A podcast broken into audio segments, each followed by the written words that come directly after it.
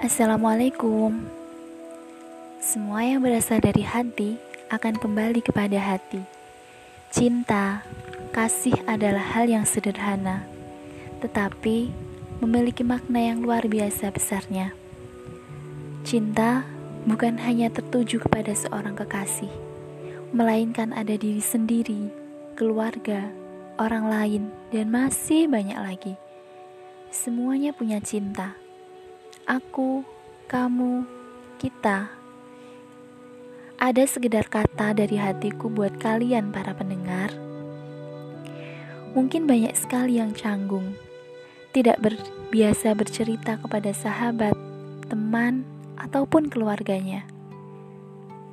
Mulai dari masalah yang kecil sampai yang besar, inginnya diselesaikan sendiri, dipendam sendiri, dan dirasakan sendiri, karena niatnya tidak ingin mau berbagi. Ada juga yang sudah bercerita, namun ceritanya diabaikan dan tidak menemukan titik terang sedikit pun.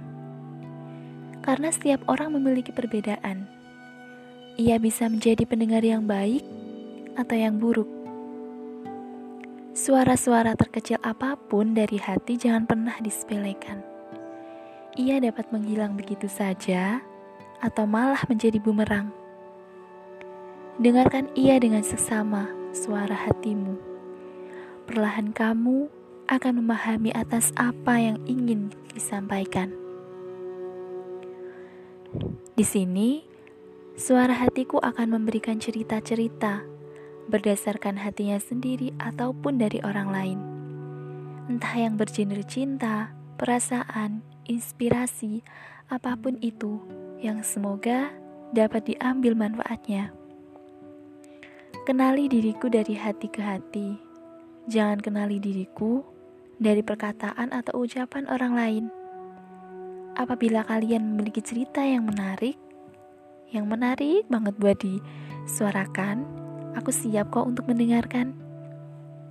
Oke, untuk memulai kali ini, sekedar kenalan dulu dari suara hatiku.